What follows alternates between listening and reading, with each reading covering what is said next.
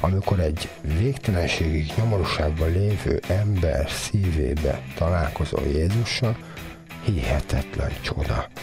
Tehát én látom a Jézusi tanítást az életemben, a béna jár, a vak lát, a vadállat az lecsendesedik, ördögök űrődnek ki, ezek mind a szemem előtt zajlódnak, mert pusztán az így által. Komoly. Én ezt látom. Sziasztok! Ez itt a Veletek vagyok podcast második része. 12, de pont nem tucat történet helyreálló életekről. Ebben a podcast sorozatban a Magyarországi Református Egyház missziói szolgálatával együttműködésben tárunk elétek csodaszerű, mégis valós és megtörtént személyes történeteket. Ebben az adásban Szinyákovics Béla történetét ismerhetitek meg, aki korábban mentősnek tanult, de az alkohol hatására lecsúszott az élete, és hajléktalanként találkozott Istennel a Tiszta Forrás Alapítványon keresztül, ahol jelenleg utcai szociális segítőként dolgozik. Szervusz Béla, szeretettel köszöntelek. Szervusz, áldás békesség, szervusztok. 1978-ban születtél egy bányász településen, Komlón. Hogyan mutatnád be a gyermekkorodat? Hogyan kell elképzelni ezt az egész bányász közeget? Hát igen, Komló.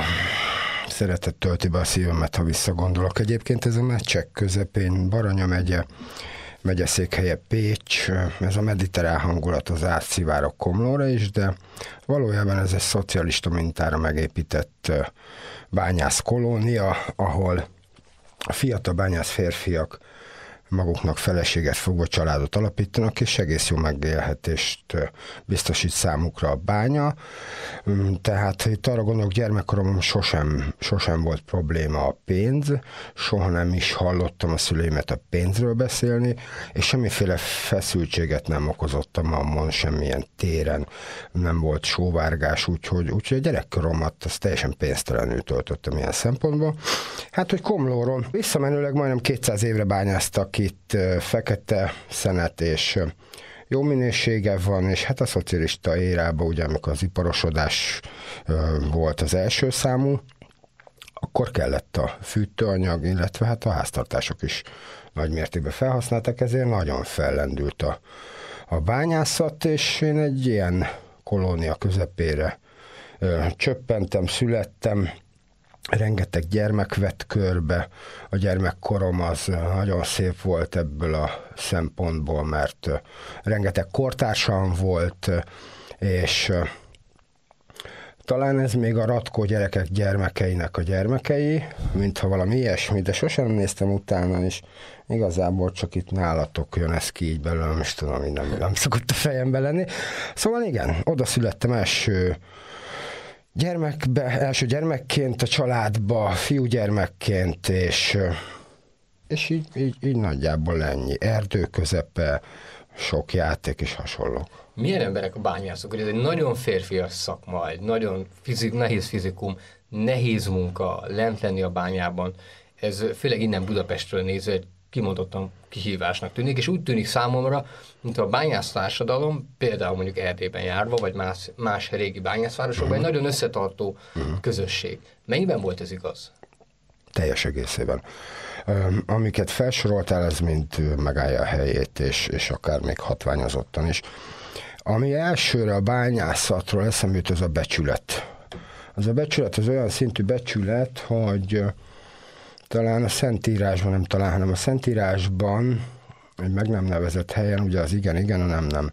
És ez ott működött is, Isten közöttünk volt. Szerintem a szíve mélyén mindenki egyfajta Isten hittel rendelkezett, a katolikus múltból szentek voltak, a, a bányászok védőszentjére illen emlékeznem, de most sajnos erre nem emlékszek. Volt egyfajta hitük a bányászoknak, de világ értelemben nagyon erős fizikomú, becsületes, büszke emberek voltak. Hogyha a gyermekek verekedtek az utcán, és bányász szülők, azok nem szétválasztották, hanem drukkoltak a gyermekeiknek. Tehát ez ilyen szintű volt. Az erőszak azért mm, átszőtte a mindennapokat, mm, túl sok tesztoszteron volt a levegőben, ez, ez ez úgy érezhető volt talán a családokban, de valójában a a bányászok nagyon szerették egymást, egyfajta isteni, egyfajta közösség, egyfajta gyülekezet volt, ahol nem volt leggyengébb és legerősebb, hanem akinek segíteni kell, és aki segített. Én ezt vallom és hiszem, és rendkívül büszke vagyok arra, hogy az őseim többet generáción keresztül bányáztak, és én nekem is szerencsém volt az első munkahelyem alkalmával bányásznak lennem, úgyhogy végtelenségig hálás vagyok az édesapámnak fent a mennyben, hogy ezt, ezt nekem így készítette el. A szüleid házasságára hogyan tekintesz vissza? Hát két tőmondat. Alkoholista apa, szerető anya. Hát ez bővenben kifejtve. Az alkoholista apa egyfajta így gyermekként áttélve persze sértettség, harag és minden, minden olyan dologgal tele voltam apám irányába, ami, ami nem, nem Jézusi gondolkodás, nem Jézusi érzések, de Valójában én őt, őt szerettem is. Édesanyám meg nagyon szerette őt, ő teljesen abstinens volt, sosem volt semmilyen káros szenvedélye, kivéve a dohányzást. Nem volt, ő egy, egy olyan édesanyja volt, aki minden áron egybe tartotta a családot. Édesapám meg olyan apa volt, aki minden áron szét akarta zúzni. De aztán ez, ez, ez ennek lett egy ilyen, egy ilyen egyvelege, amit így nem nehezen tudnám megfogalmazni, bennem egy vád anyám iránt, hogy miért űrjük ezt, hogy őt bántalmazza, hogy engem bántalmazzon, hogy egzisztenciálisan ellehetetlenítsen minket. A végére már meg, hogy, hogy ennyire hitetlenül, pedig akkor már nem volt hitem, de ennyire embertelenül nem, nem lehet néha viselkedni. Meg egy, egy büszke férfinak, egy apának nem illik olyan helyzetekbe belekeveredni, ami, ami azért eléggé ez egy lelki terror, vagy lelki megfélemlítés volt az ő részéről az irányotokban, vagy fizikai? Figyelj csak, hogy nem tudom ezt objektíven értékelni, nem visszatekintve nincs módom ebből a látásmódból, amit most Jézusi tanítás alatt értek ebből, ebből megbocsátás, és, és nincs bennem semmi. Viszont benne, amikor benne éltem ebbe, akkor nekem több százas, tehát itt ez azért fontos, ez a szám, több százas alkalommal volt, több száz alkalommal volt, amikor mentem haza iskolából, és, és én alig értem haza, annyira kellett kakilnom, egy gyomoridejem volt. És azért ez egy 8-10 éves gyermeknél ez egy elég komoly tünetnek tekinthető. Folyamatosan menekültem otthonról, amikor már hazaértem, és, és megéreztem a lépcsőházba apám szagát, akkor akkor azért összerándult a gyomrom, és amikor lenyomtam a kilincset, beléptem a lakásba, akkor minden érzékszervem a hiperaktív üzemmódba kapcsolt, hogy az első blikre fel tudjam mérni az akkori aznapi, hát vagy mennybeli, vagy pokolbeli helyzetet. Ezt úgy kell elképzelni, hogy ő hazajött a bányából, és ivott, vagy már részegen jött haza? Vagy hogyan, hogyan kell elképzelni a Szinyákovics családnak a, a mindennapjait? Ugye, apám nem rossz ember alapjába véve neki, akkor ebből ennyi fért ki, ezt tudniam kell. És kicsit ezen beszélek el, mert nincs itt, hogy megvédje magát, de a száraz tényekre hivatkozva, az, az biztos, hogy járt kocsmába. Erre már nagyon kiskorom óta emlékszek. Aztán aztán volt egy kis műhely, ahova rendszeresen kiárt délután, és ott rendszeresen részegen érkezett haza. Tehát amikor meg a bányából hazajött, akkor még csak egy-két sort sör csúszott le az ebédhez, és akkor kiment a, a mi úgy hívtuk, hogy garázs, egy garázsban berendezett műhelybe, és, és akkor már ittasan ért haza, akkor már egy kicsit lazultak az erkölcsi normái, akkor már akkor már nem tudta elfolytani magába azt a megkeseredettséget, vagy dühöt, vagy, vagy nem tudom, nem tudom, hogy mi volt benne, mert erről sosem beszéltünk. Mai napig egyébként ő szabadult, és de mai napig nem hozzuk ezt föl, szőnyeg alá söpörjük, mint hogy a parancsolat is mondja, hogy tisztelt atyádat és anyádat, hát én, én, ezt, én ezt végtelenségig érzem, és erőt is kapok a Szentlélek által erre, úgyhogy semmiféle tüske nincs bennem, nem, nem, nem haragszok rá egyáltalán. Az, hogy ő szabadult, az azt is jelenti, hogy szembenézett ezekkel a tetteivel, vagy csak az alkoholtól szabadult? Így van. Nagyon jó a kérdés, nagyon helyén való. Nem szabadult Jézus Krisztus által az alkohol rabságából szabadult, de hát mondom, nehezen ellenzem, így hát tisztelem kell atyámat, és tisztelem is valójában, de az biztos, hogy néha felvetődik bennem az a száraz részegség szindróma, amikor, amikor az élet kihívásaival nem, nem igazán tud az ember máshogy megküzdeni, mint hogy elfolytásba, és ez, ez nincs olyan messze az ivástól egyébként. Az alkohol az csak egy, az csak egy legvégső állomása nem tudom, hogy szabadult-e ilyen szempontból. Azt tudom, hogy nagyon komoly sportteljesítményeket visz véghez, csak hogy tudja, de elteker az északi sarkörig négy hónapos út, mindent a biciklin viszes hasonlók. Most Erről több cikk is van egyébként igen, az interneten. Igen, most jelenleg is a svájci alpokban van úgyhogy nehezen tudom elérni, de azért, tehát tényleg egy, egy, egy nagyon jó kapcsolatunk lett, és sok imádság, isteni közbenjárás, és és nincsenek felhozva semmi régi sérelmek. Úgyhogy Ez a... teljesen kibeszéletlen közöttetek? Teljesen, teljesen. Hátunk mögé dobtuk. Én úgy vagyok vele, ha az úr megbocsájt, hisz mindegyikünknek megbocsájt, ha kérjük, nekem pláne, mint hogy majd hallani fogjátok, hogy azért bőven volt miből, és van is miből. Nekem nincs jogom Jézus érte is meghalt, úgyhogy nincs jogom ítélkezni felette, és szeretem, mint, mint földi apámat rendkívüli módon. És tiszte, büszke is vagyok rá már. Még gyerekkoromban is, annak ellenére, hogy mondom, volt egyfajta a szívemnek egy olyan legbelső szobája, ahol, ahol nem Krisztus uralkodott, amikor ő eszembe volt. Ennek a kibeszéletlensége nem nyomasztó a számodra? Tehát önmagában véve megbocsátottál neki, ezt értem, nem, nem, rendkívül kényelmes.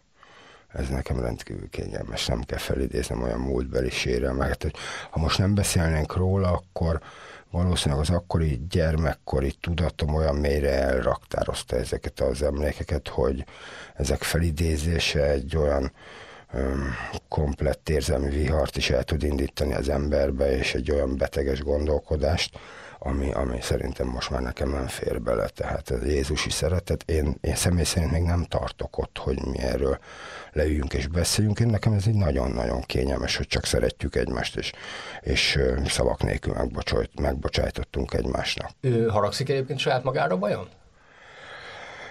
Nehéz megállapítani, és biztos vagyok benne, hogy hát hogy ne egy igen intelligens embernek tartom, úgyhogy valószínűleg azért többször elgondolkozott ő ezen, és azért hát a száraz tények is, tehát édesanyám őt leszúrta kétszer melkason, levágta a hüvelykúját majdnem, és ezek több alkalommal megtörtént esetek, és nyilván tudja, hogy ez nem véletlen volt, vagy az, hogy eladósította a házunkat, vagy hogy egy csomó minden olyat, tehát ami akkori apa-fiú kapcsolatunk az, az így nem létezett ilyen formán, mert én menekültem otthonra, ők meg a saját kis belső viharaikkal, családon belül belső viharaikkal foglalkoztak, úgyhogy ez, ez, tehát ez nem lehetne nem látni a hibákat, és, és szerintem egyébként igen, ezért is nyit olyan könnyen felém, és ezért nem is volt olyan életünkben olyan időszak, amikor ízetlen tréfákkal élt, és, és cikizéssel, és, és elég sunyi hátsó gondolatokkal, amit én erőszakkal uh, idézőjel jutalmaztam, ez nagyon durva, így saját apámat megvertem, de néha már olyan szintre kitolta a tűrés határomat, ahol én nem, nem, tehát nem voltam ura önmagamnak. És kamaszként vagy felnőttként? Kamaszként is persze, hát azért meg kamaszként is 100 kilós voltam.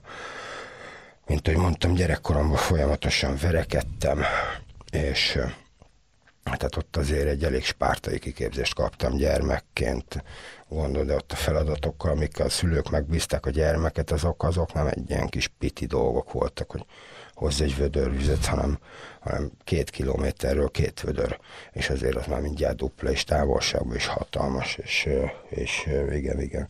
Tehát olyan szintre emelték a, a gyermeki munkát, a segítést, hogy már gyermekként elkezdjék edzeni a, a fiaikat arra, hogyha majd közösen mennek le a bányába, hisz hát ezt azért el lehet képzelni, ez egy egészen zárt világ, ahol bizony itt az apa azáltal, hogy a gyermekem itt tesz le az asztalra, és így hatalmas nyomást gyakorol már gyermekként arra, hogy eljön az idő, akkor mint ahogy a, a, a régmúltba az apáról nevezték el a fiúkat is, tehát pontosabban megnevezték az apát is, ez ugyanígy volt a bányászok között is, hogy na ő a Béla fia.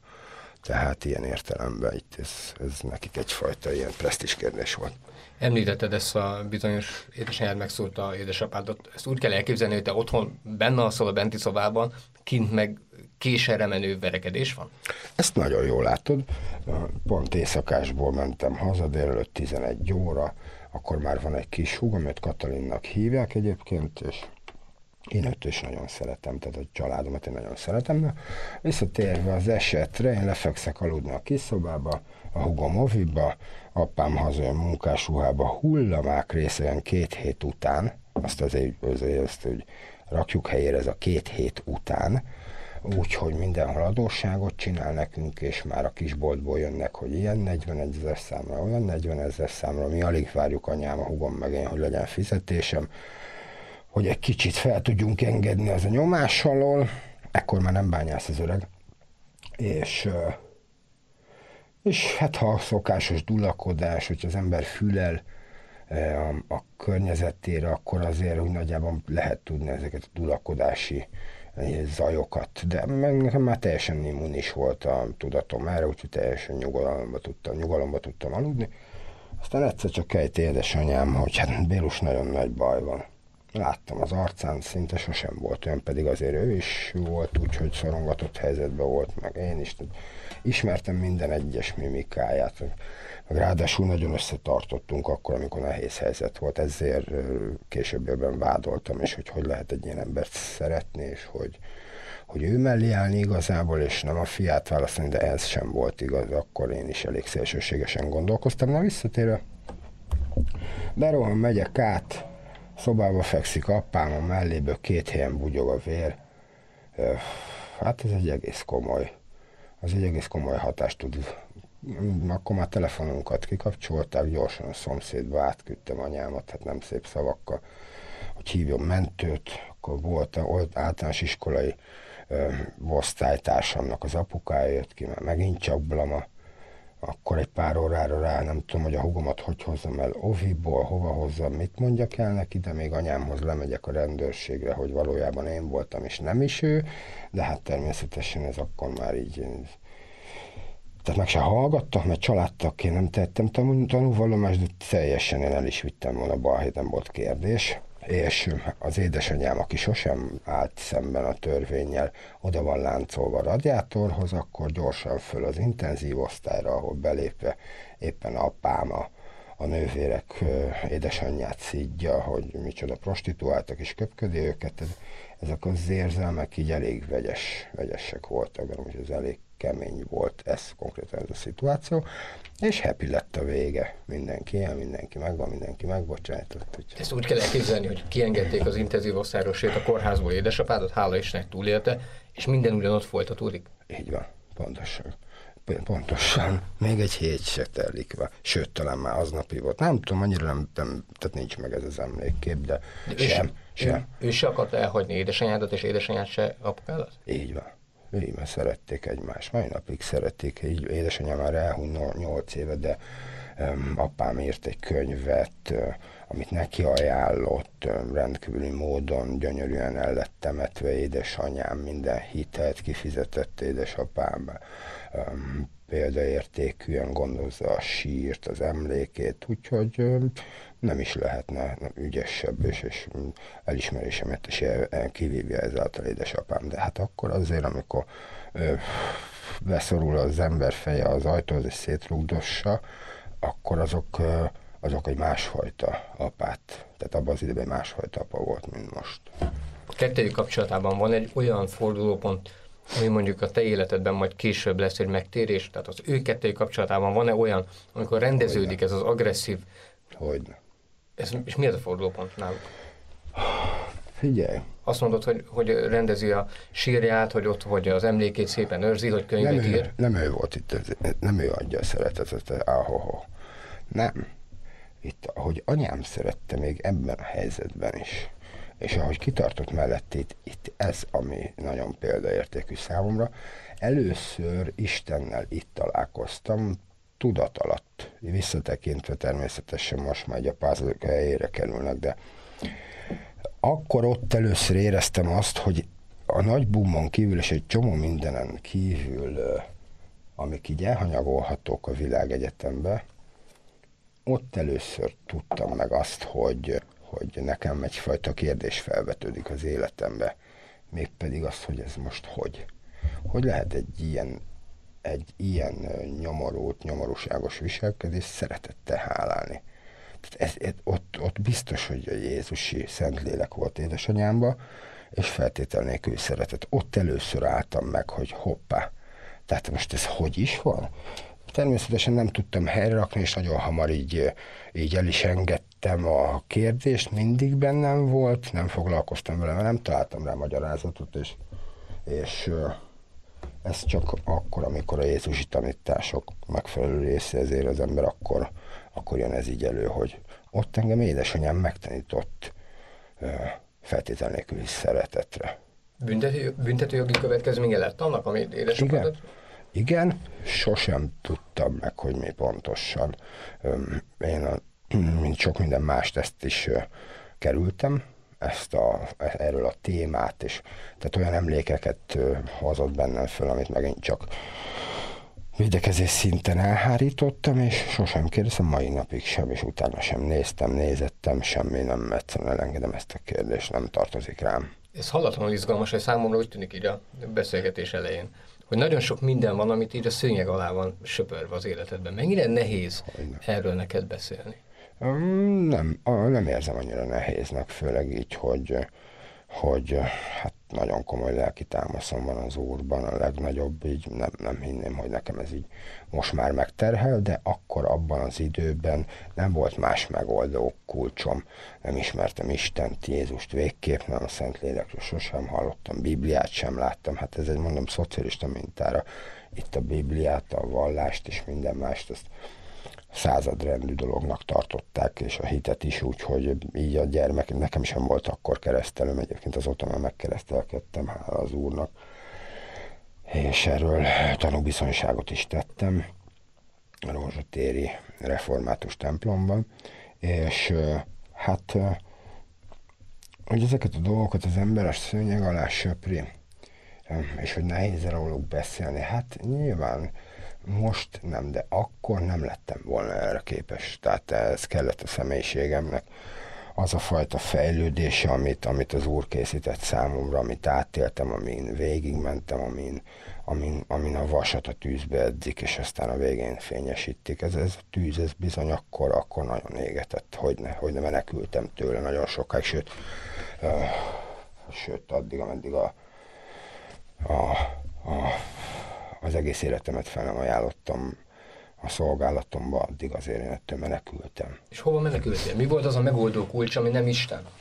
Hát gyermekként önmagad. Sőt, nem gyermekként, felnőttként is. Hát, hogyha nem Isten, vagy hát pontosabban még oda visszatekerjük, hogy még nem ismered Istent, hanem vagy csak vagy te. És, vagy pontosabban csak te vagy akkor neked kell megoldani a problémáidat. Hogyha nincs mögötted család, és kaptál egy pártai nevelést, akkor az erőszakba menekülsz. Akkor elnyomod azokat, akik neked fájdalmat okoznak, bántuk. Gyermekként is, tehát egészen fiatalként. Hát hogyne.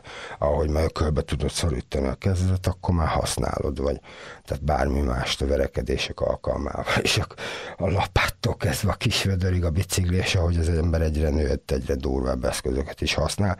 Persze, simán, teljes testet, teljes erővel, minden. De te ott vezetted le más embereken, fiatalként, a benned felgyülemlett feszültséget, ami a családi környezet igen, adott. Mondhatjuk ezt, igen. Tehát te kerested ezeket a balhékat is, vagy csak önvédelemből megvédted Hol? magadat, hiszen iskolában van Hol? két fiú, aki volt már valaha iskolában, látott fiúkat, ott azért mindig vannak feszültségek, ha más nem, akkor a lányok de összeverekednek, vagy nálad ez sokkal inkább te kerested a balhét, mert ide akartad levezetni azt, ami elől menekültél otthon. Hát hogy, hát az otthoni, az otthoni lelkem az, az egy fájdalmas, és amikor meg nem az kortársaimat, hanem mag, idősebbeken is. Ugye azt tudjuk, hogy ebben a fiatal korban akár hónapok is sokat számítanak, hogy ki a nagyobb fiú, vagy ki a nagyobb lány. Én messze nagyobbakkal kezdtem mindig ki.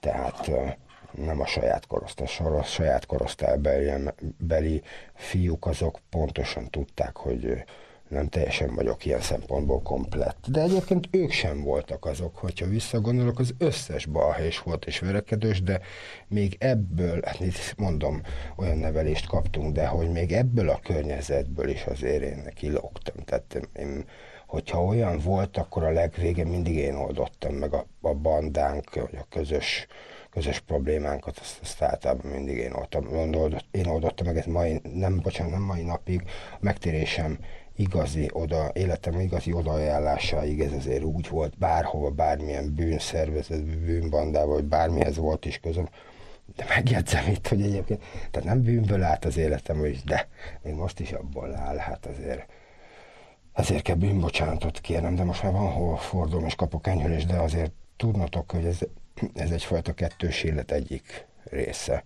mert az mellett én azért mindig szolgáltam azt a közösséget, ahol élek, mindig egyfajta ideológiát gyártottam arra, hogy én miért kell, hogy megvédjek mást, és hogy miért kell, hogy de egyébként, ha így komolyabban belegondolok, és a kérdésre válaszoljak, igen, én provokáltam ki a legtöbb esetben, 80%-ban biztosan, hogy, hogy nekem ott egy újabb bizonyítási lehetőség legyen mások szemében. Tehát meg akartam felelni, otthon nem kaptam meg a dicséretet, ezért máshol kerestem azt a és mivel kézenfekvő volt az adottságok, és a helyzet, és a millió, és az a, az egész, uh, ahol, ahol abszolút nem volt kinívva az erőszak, hisz mondom, hát ne, semmi, semmi, nem, teljesen. Ez, ez, ez hozzátartozott a mi létünkhöz. Mondom, a szülők azok nem tiltották a gyermekeket az erőszaktól semennyire. A Beletek vagyok első részében Bajcsi Norberttel arról beszélgettünk, hogy tulajdonképpen utólag belegondolva nem is nagyon volt más lehetőség számára, mint ami történt vele, ahogyan történt vele az ő élete, érdemes meghallgatnotok azt a beszélgetést is. Ha te most visszatekintesz a fiatal korodra, akkor tulajdonképpen magától értetődő mindaz, ami történik veled? Persze. Persze, főleg köszönöm ezt a kérdést, mert nem tudom, hogy hívő társaimnak felmerül a gondolat, hogy amikor amikor valamiféle negatív hatás ére minket, hogy akkor most ez sátani vagy isteni beavatkozás. Nyilván nagyon magas hittel és nagyon magas, nagyon magas odaajánlott élettel kell lenni, hogy az ember ezt meg tudja jól válaszolni, de szerintem nem lehet jól megválaszolni egyébként, ezt csak az úr tudhatja.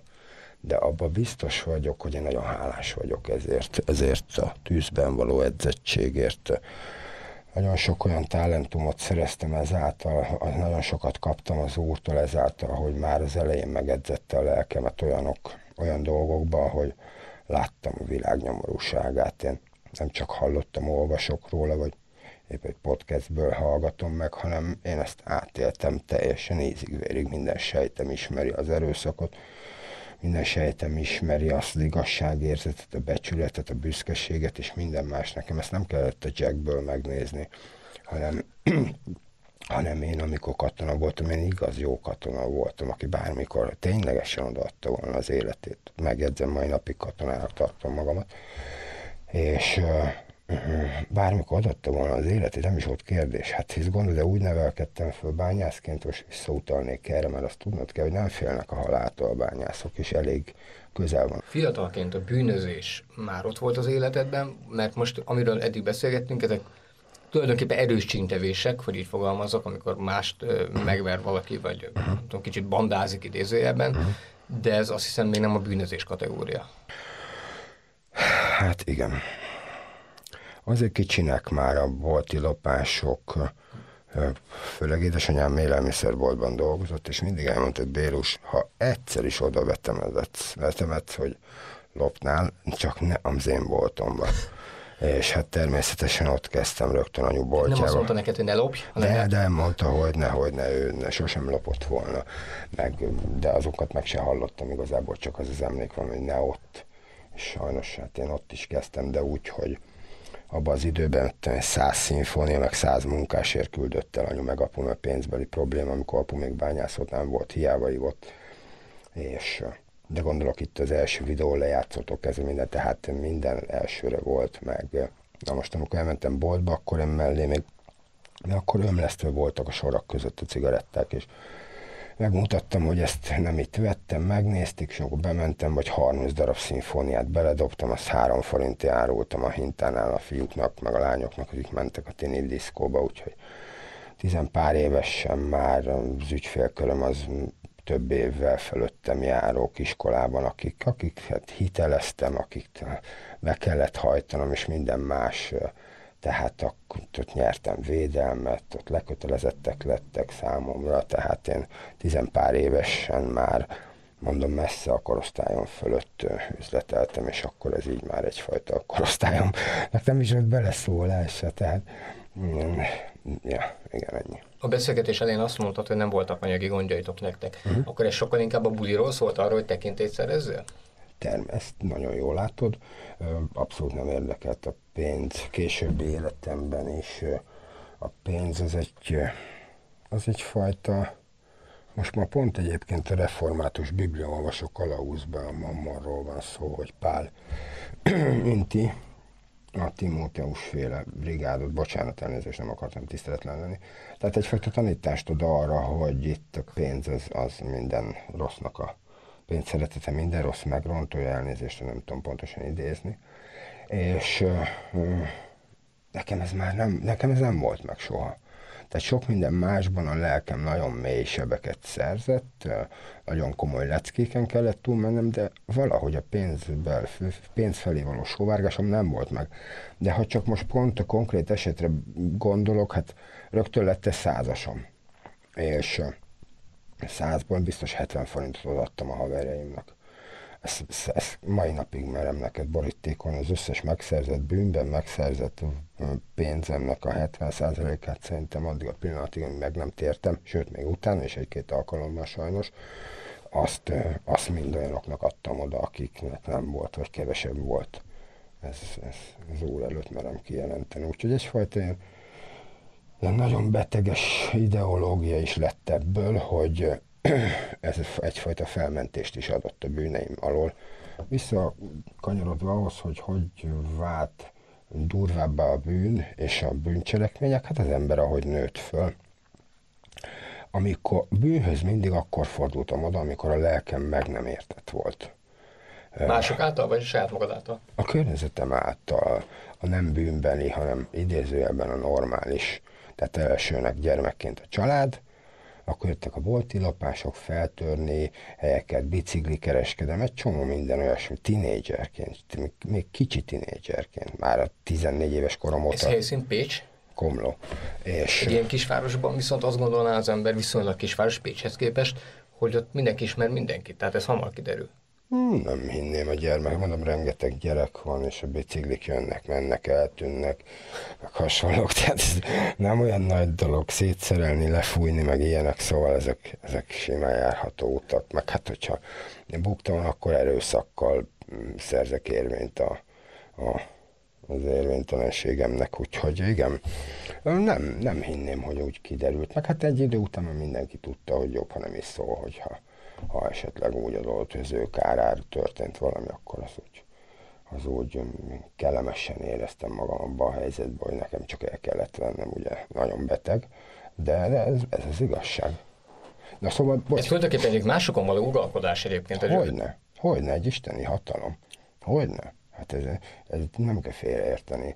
Ennek van egy ilyen mocskos Hát nem véletlenül akart a sátán Isten lenni. Hát is biztos van egy arávarázs, de nem akarom az urat káromolni, és nem akarom egyik helyébe se beleképzelni magamat. De azt biztosan állítom, hogy a, a másokon való uralkodás és elnyomás, akár erőszakkal, lelki terrorra, vagy bármilyen manipulatív eszközzel, meg később azért finomodik, akkor az, az egyfajta egyfajta ilyen belső értékrendben, saját magunkat is egy olyan státuszba helyezzük, hogy egyfajta istenek vagyunk. És össze, össze tudod te kötni azzal az uralkodással, amit édesapától tapasztaltál családon? Tehát te hasonlót kerestél, mint amit édesapád otthon elért? E, valójában én ettől iszonyodtam, és e, e, nem is e, szeretteimet sosem bántottam, valahogy én ezt kaptam onnan. E, de, de hát igen, a neveltetés, hogy milyen összefüggésből volt ez érdekes, de én sosem szerettem volna, és nem is szeretnék olyan lenni, mint akkor apám volt, semmilyen módon. Az, hogy a tudatalattam, és hogy én hogy viselkedek, hát most már remélem Jézus tanítás szerint, tehát nagyon-nagyon-nagyon-nagyon-nagyon kérem az Urat arra, hogy csak ez úton, ezen az úton segítsen engem. Több hitbe és több tanulásba. Ebből a viszonylag a zűrös életből jön a katonaság. Aha. Melyikben változtatott meg téged emberileg, vagy mi az, amit te elsájtottál katonaság alatt, mert már előbb is említetted, hogy még most is katonaként tekintesz magadra, tehát ott valami olyasmi tapasztaltál meg, ami az egész életedre kihatással van. Az micsoda? Na most egy katonát jellemezzek. Hát itt is a becsület és a büszkeség egyfajta, megint tellesz tesztoszteronnal, és, és itt már nagyba megy a játék, itt már nem megverni tanulod a másikat, hanem megölni. Ez az uralkodásnak egy még egy mocskosabb szintje. Tehát nyilván a katona nem kell itt félreértés, beessünk. A katona az azért katona, hogy megölje a másik katonát. Majd. Tehát nem öltél embert? Nem, vagyis be biztosan, de ez nem itt, ennek nem itt van a hely, de egyébként úgy kajak igazából nem. De hát biztos a tetteim az azért sodortam oda olyan helyzetben embereket, akiknek azért nem lett könnyebb az életük, ilyen értelemben viszont igen. De, de hát arra készítenek fel. Tehát, hogy nyilvánvalóan szemtől szemben megmondják, hogy gyorsabb vagy, jobban lősz, ügyesebb vagy, akkor te ölöd meg a másikat. Tehát itt nincs, nincs erről. Ez egy katonának annak tisztában kell lenni, hogy őt azért edzik akkor, hogy ő öljön. Na most kézenfekvő, hogy egy spártai gyermekkor után egy ilyen fajta kamasz, fiatal felnőtt kor, hát ennél, ennél keményebben nem is lehetne nyomni. És akkor ott megtanultam minden mást, ami, ami hivatalos, és, és sok éves tapasztalatok, évtizedes vagy több évezredes tapasztalata a katonáknak, a, a viselkedésről, a másikkal való, hogy lehet legyőzni és hasonlók. De igazából ö, ö, imádtam katona lenni. Imádtam katona lenni, mert a társaim is nagyon jók voltak, szintén ugyanannyira betegek, mint én, de szintén egy kicsit jobban kilógtam mindig is onnan. Mm, a parancsnokaim méltányolták ezt, szerintem még nagyon szerették volna, hogyha a lövészárokba én vagyok mellettük. Nem féltem soha, sem fizikai fájdalomtól, sem semmi olyasmitől a testalkatomhoz képest vannak azért sokkal atletikusabbak is, én messze fölvettem velük a versenyt, mert mentálisan én sokkal fölötte voltam már nekik, én nekem ez egyfajta élethalál küzdelem volt, minden egyes akadálypálya, minden egyes próbatétel, minden egyes futás, időmérés, minden egyes nap egyfajta élethalál harccal vált a katonaságnál, és Hát a sorkatonaságomat ezt a Petőfi laktanyába töltöttem, nem tudom, ez mond-e valakinek bármit, csak így tájékoztatásnak. Messze az egyik legelittebb hely Szolnok után, vagy egybe vele nem akarok senkit megbántani, de a Magyar Honvédségen belül minden szempontból egy elismert a díszelgők otthona, ami aztán nem kevés állóképesség, és minden más, amit most nem szeretnék belemenni, és és azoknak a katonáknak a helyszín, akik a Honvédelmi Minisztériumban vagy vezető tisztességviselőket, vagy katonai biztonsági hivatalnál teljesítenek szolgálatot, vagy ö, minisztériumokba, objektív, objektív vagyis objektumőrzésekben, és ezt mind sorkatonaként, és akkor e, ehhez egy pár évvel, amikor leszereltem, akkor már nagyon nem akartam, ugye a sorállomány az egy más világ, akkor volt egy-két év, amikor megpihentem, de aztán hívtak a kiegészítő parancsnokságról egy vasszél vasárnap délután, mondjuk ez is mennyire durva, fölveszem a telefont, engem keresnek, nem tudom milyen főhadnagy, és hogy holnap reggel hatra be tudok fáradni. Hát mondom, persze, befáradtam, felajánlottak egy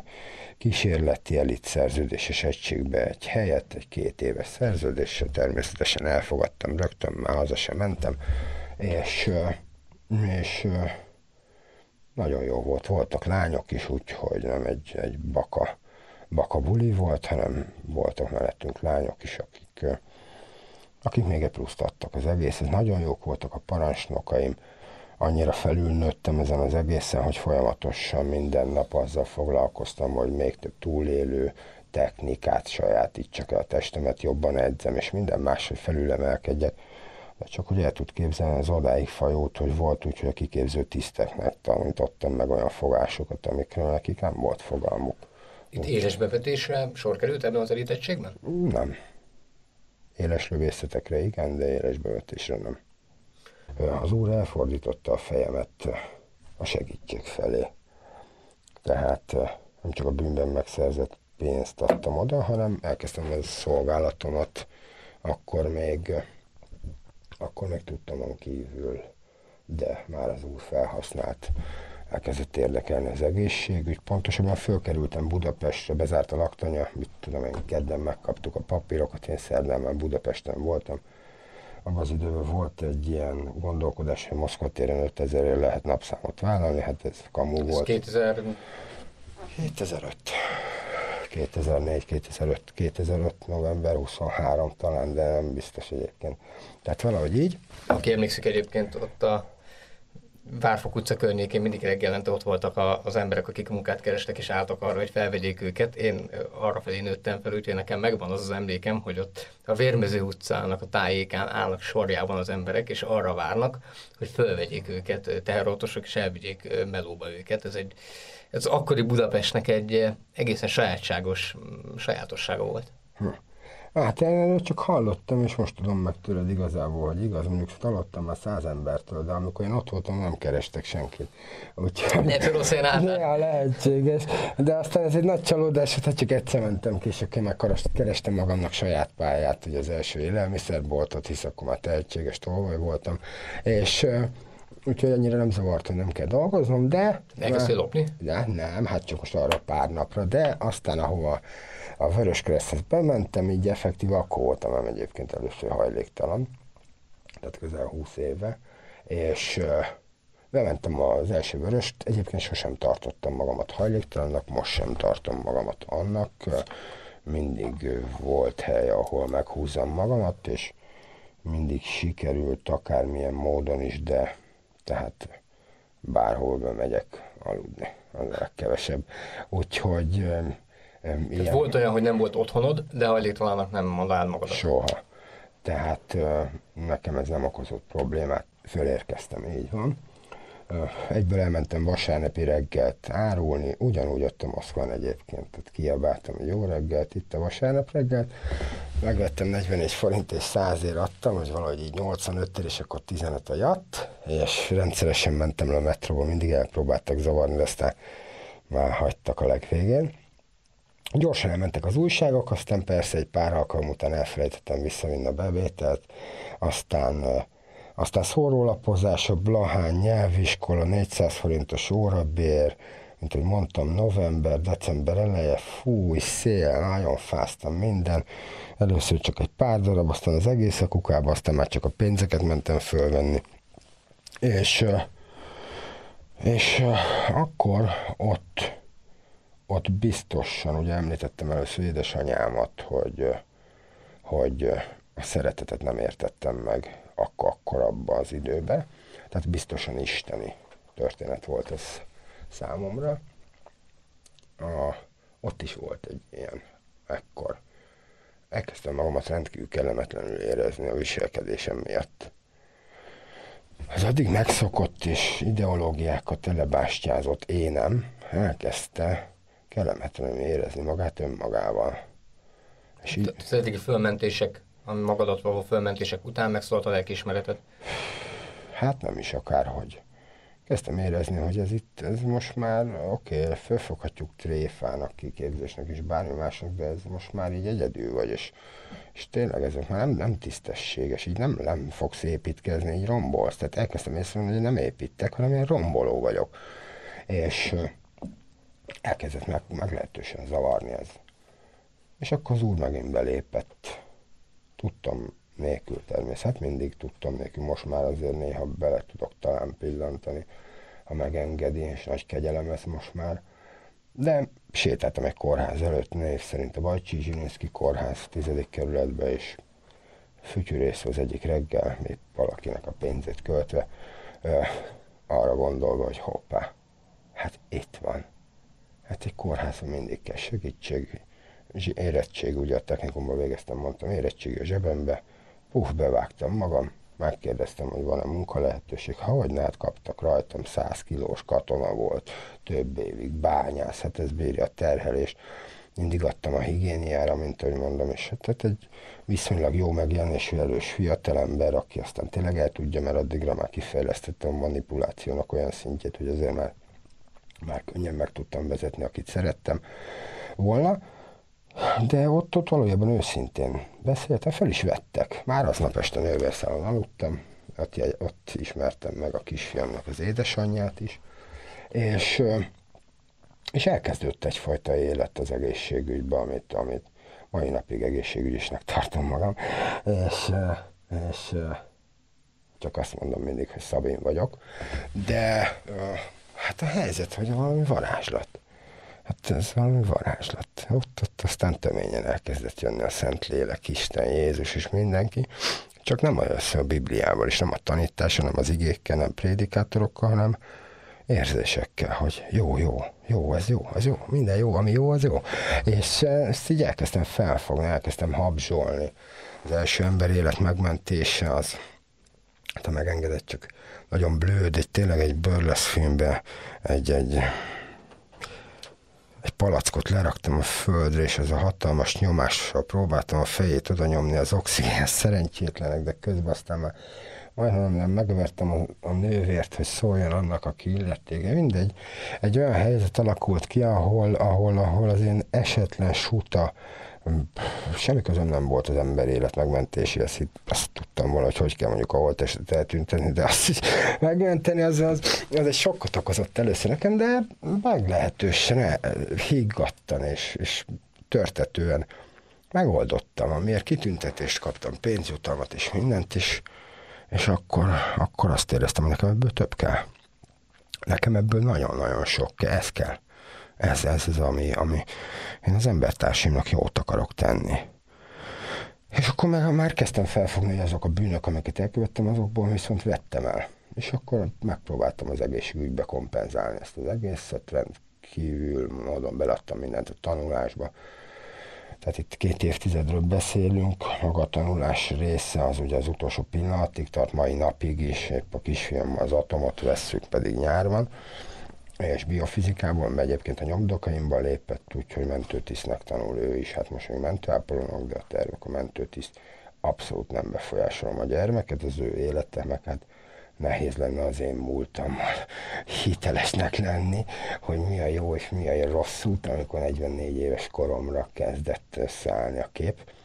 Úgyhogy tőle nem várhatok-e 16 évesen nagy teljesítményt, viszont az úr nagy kegyelme az, hogy az őszintesség, rendkívül jó apa-fiú kapcsolatot eredményez. De majd mindenképpen szeretnék még kérdezni. Viszont az volt számodra egy újdonság, hogy valakinek segítesz, nem pedig ártasz valakinek, vagy sokkal inkább az, ami téged hajtott, hogy valakikkel jót tehetsz, és emiatt elismerésekben részesülsz, nem most az anyagi elismerésben, hanem inkább hálában gondolkodok, hiszen a hálát, ha jól gondolom, nagyon nem tapasztalhattad meg korábban, sem a családi légkörben, sem az utcán, és valószínűleg még katonasként sem, nem az a légkörről azt mondják, hogy hát Béla, mi nagyon hálásak vagyunk neked. Persze. Hát hogy? Igen, minden igaz, amit mondtál. Tehát egyfajta jutalomfalat volt nekem ez, amire képes voltam pitézni, és, és az, hogy megdicsérnek, és az, hogy jót tehetek, ez, ez nem csak róluk szólt, ez szólt rólam is. Ez, ez, ez az érzés, amit én onnan kaptam, ez, ez szerintem sokkal nagyobb volt, mint hogy az az érzés, hogy nekik jobb lett.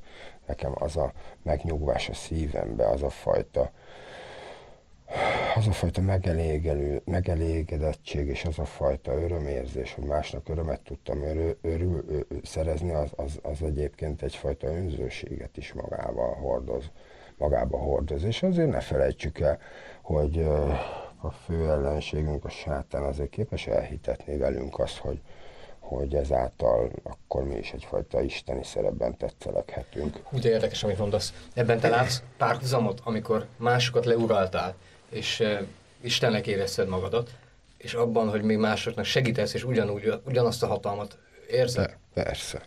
Hát hogyne, a kettő ugyanolyan. Ugyanolyan, hát csúnya ez, de ezért nem köntör fel azok, azt halljátok, meg hallod, hogy, hogy ez, ez, ez igen. És tulajdonképpen egy ilyen dopping, amit ad? Hogyne? Hát figyelj csak. Van egy ember, aki meghalt. Ezt pont te vágod le, úgyhogy ott vannak körülötted a kollégáid. Elkezded újraéleszteni, beindul a protokoll, beviszik a soktanítóba, te nyomod, mint a vészhelyzetbe fölülsz az asztalra, és közben nyomod, ez mozdítható asztal.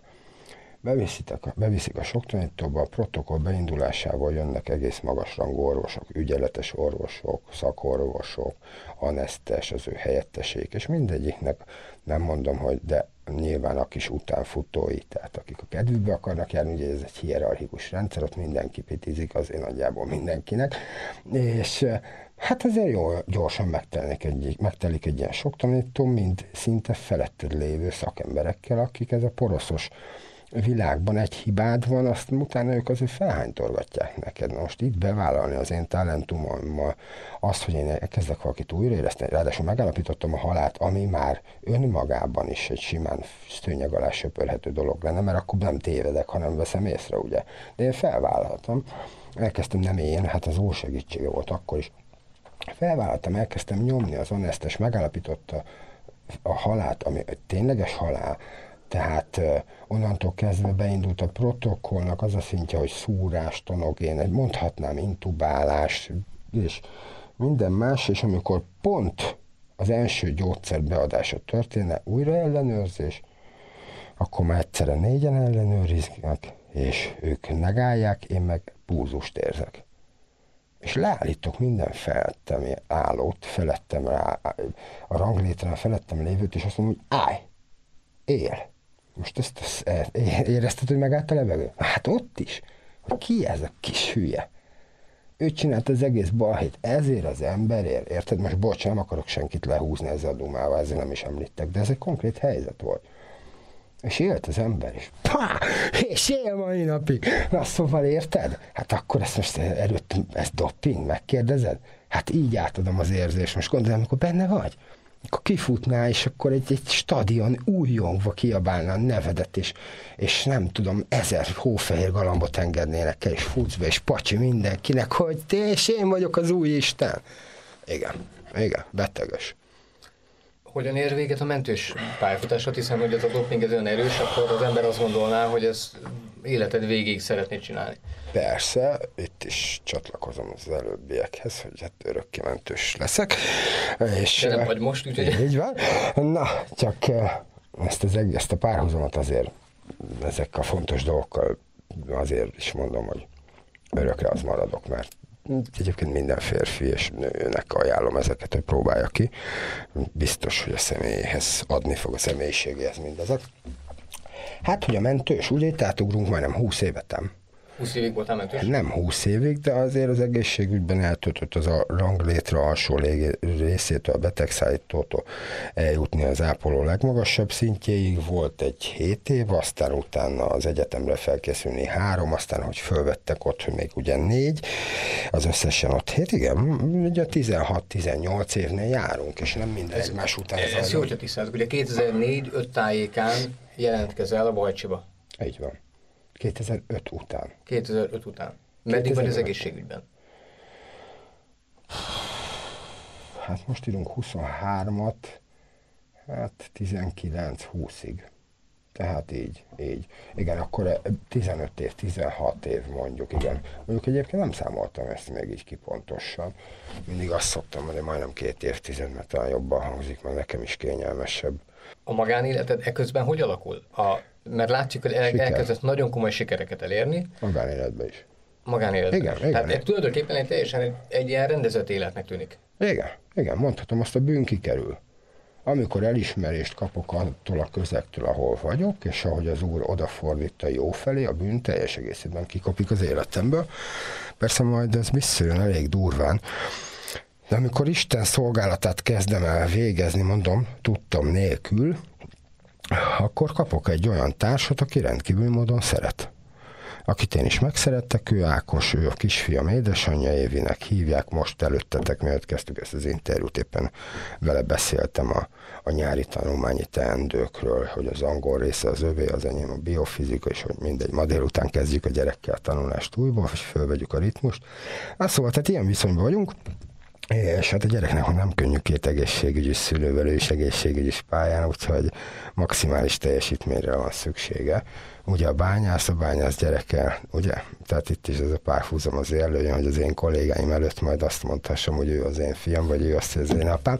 Na mindegy, szóval um, nagyon jól alakul, megszületik a kisfiam, nagyon szeretem őket, és mindketten egyetemisták vagyunk, albérletbe lakunk, de aztán elkezd minket az élet így szép lassan így felőrölni. A pénztelenség engem annyira nem is viselt meg, mint talán az évit, és, és a, a, a gyermeknevelés. Hát nem tartottam magamat, én most sem tartanám magamat alkalmasnak gyermekvállalásra, úgyhogy én, én tényleg apa legyek ott annál születésnél, egy apa is született, és mint apa azért nagyon sokszor így visszatekintve jobb is lehetett volna. Persze most előre tekintve igyekszek, hogy a lehetőleg jobb legyen, de és ő is igyekezett, hogy jó anya legyen, de, de az egyetem, a szakdolgozat, a sok záróvizsgák, a, a, a, mindketten dolgoztunk mellette. Mindketten az egészségügyben dolgoztunk, és úgy voltunk egyetemisták, úgy a béletben egy friss gyerekkel, és nincsenek nagyszülők. Ez nem tudom ezt, ezt, ezeket a súlyokat így éreznie de az biztos, hogy nagy nyomás gyakorolt ránk, és nem bántom Évit, mert szívem mély, hát a gyermekemet kaptam tőle, nagyon-nagyon hálás vagyok, és csodálatra méltó, hogy egy ilyen gyermekkel ajándékozott meg, de ő nehezebben bírta ezt a nyomást, ő összetört az alatt, és ki is menekült ebből a kapcsolatból éppen. A gyermek 5-6 éves volt, most kérdezhetnéd megint az időpontokat, de kiszámolhatnánk, de engedd meg nekem, hogy ez a toligot mondjam. Uh, szóval, um, és kiszállt. Szerelmes lett egy olyan fickóba, nem tudom, nem, nem beszéltük meg soha, és elment tőlünk.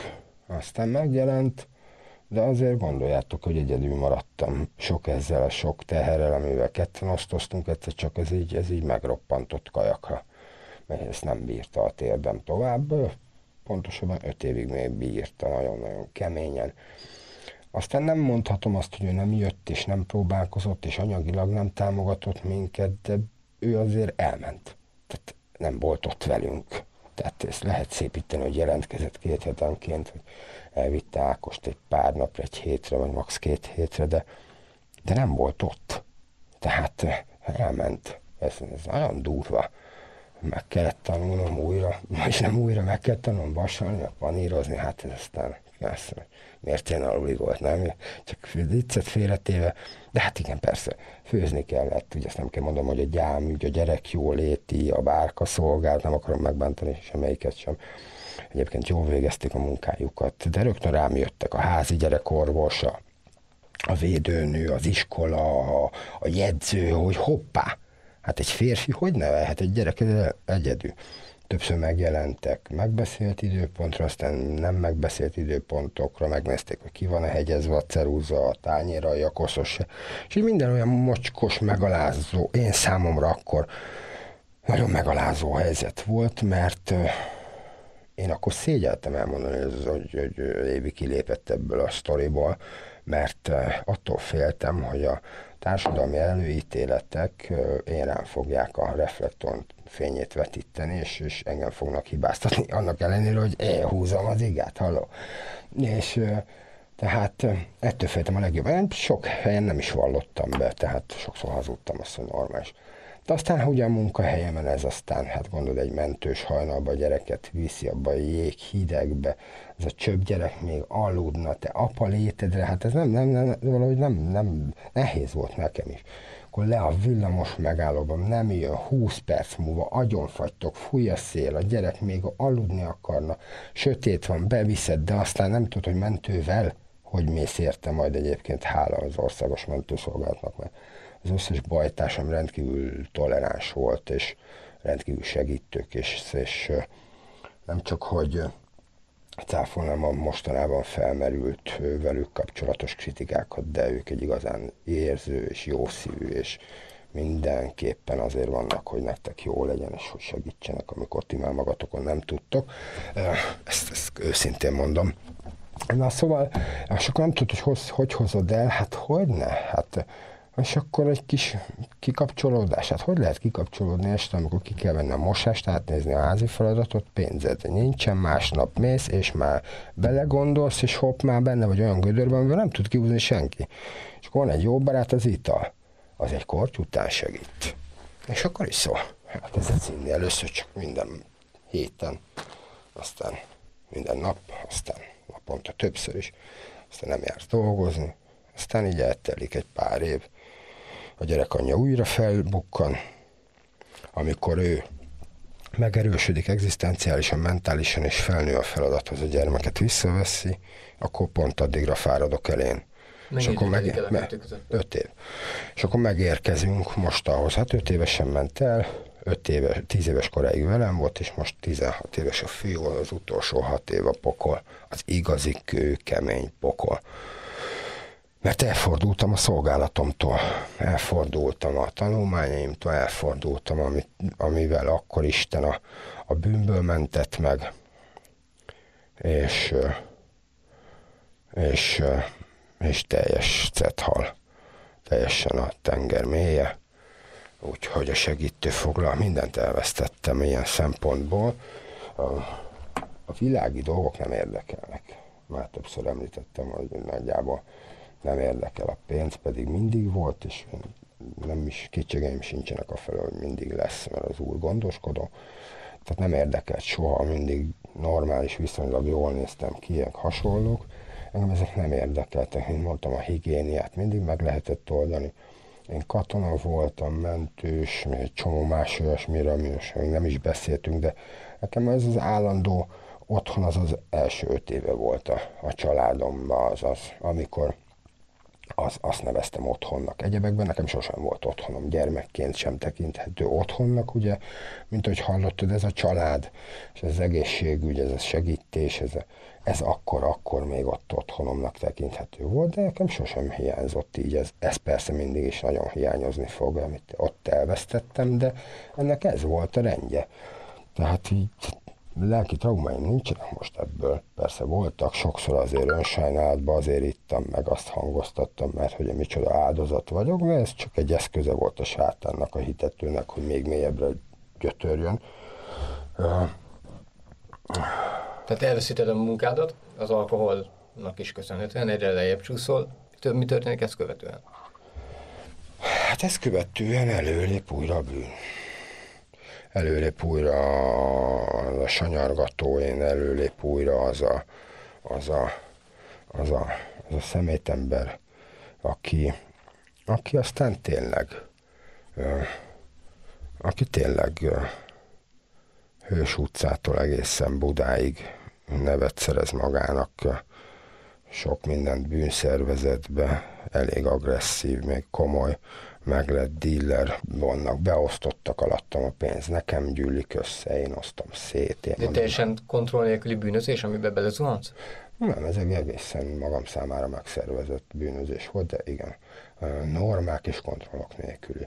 Nyilván a felállított szabályokat be kell tartani, mert a rendőrök azok egy folyamatos folyamatos éberséget kívánnak, a telefonok, a lehallgatások, a megfigyelések, akár a paranoiák is, de én mindig a paranoiát egyfajta képességnek tekintettem, nem pedig betegségnek, úgyhogy nagyon nagy hasznot is lehet ebből húzni, hogyha az ember olyan szinten használja.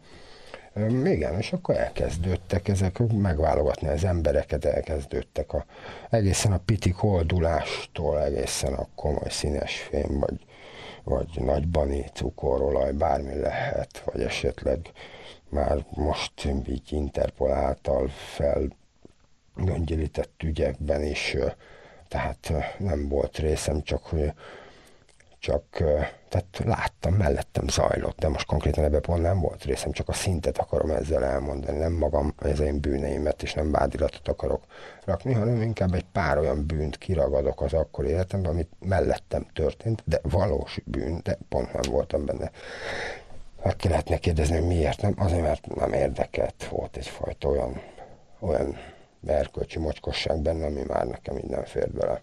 Tehát így hajléktalanok nevére számlát nyitni, és akkor egyébként, hogy a hajléktalanság, és hogy ezzel kezdted,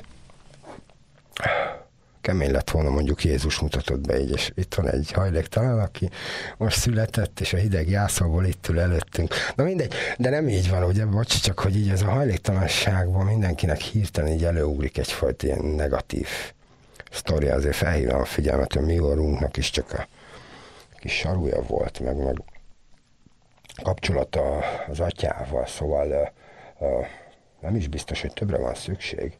Lehet, hogy kényelmesebb lenne, hogyha mindenki arra koncentrál, és nem akarok nagy ideológiát, de szintén a Szentírásból idézem azt, hogy és nem szó szerint, és nem is ige helyet se tudok meghatározni, de az biztos, hogy elég nekünk az étel és a ruha, mert sok megrontója, ugye, ahogy mondtam. Na! Fizikai erőszakot, Kati, itt fizikai erőszakot is elkövetsz, ami számomra azért érdekes, mert korábban azon dolgozol, hogy emberi életeket mentsél meg, utána pedig emberi életekben teszel kárt. Igen. Ennek a kettősségét te hogyan dolgoztad fel akkor? Hát én nagyon örültem, hogy tudtam, hogy hova kell ütni. Hogy fájjon? Hogy fájjon. Tudtam, hogyha valakinek a szemgolyóját megnyom hüvelykúrlanyal, az biztos letérde vagy hogy ha, hova harapjak bele a testem, bocsánat, nem tudom, hogy elbírja, de simán beleharaptam bárkibe, hogyha odáig, ha olyan közel sikerült kerülnöm haza, hogyha megütni nem tudtam, de azért én egy állat voltam. Ezt Számodra is meglepet, meglepetés okozott, hogy benned van egy ennyire Igen. állati kontrollálhatatlan élet? Hogyne, hogyne. Ott megint jött az úr. Ott, megint, ott, ott volt először, amikor megragadott amikor már elviselhetetlen volt ez az egész, hát nyilván most úgy beszélek róla, mint hogyha ez valami hatalmas diadalmenet lenne, de egyébként minden nap megszenvedtem, amikor fölkeltem, és az egy nagyon-nagyon olcsó közhely lenne, ha azt mondom, hogy leköptem a tükröt, mert az nagyon kevés volt. Szinte az összes tükröt felszámoltam a környezetembe, és nem is hagytam kritikát megfogalmazni senkit, de magam mélyen azért én rohadtam elég mocskosul. És, és ott az úr egyszer egyszer próbára én magamat, azt hittem én vagyok Isten, de aztán rájöttem, hogy hoppá, nem bírom például reggel megállni a piát. Amikor először ez leesett, akkor így Jézusnak kinyitottam az ajtót, és ő bejött és megkérdezte, hogy na, na, akkor mi lesz? Ezt szó szerint úgy kezeljük el, hogy témában? Nem, de hogy is. Ez úgy, hogy a szívembe megyek a Gottschengen, a Haller utcán, itt pont a kilencbe, és, és Hát csak hihetetlen mélyen belém hasít, hogy nem én vagyok Isten. De nagyon mélyen így akkora csalódás magadba, aki előtte mentett, sanyargatott, erős volt, csomó kiképzés, minden, hogy, hogy nem bírod megállni, hogy az a, az a fél deci ne győzöl le. Ki vagy te? Te vagy valaki így? Hát ez a tárgy legyőz téged. Egy, egy, egy ilyenfajta gondolat.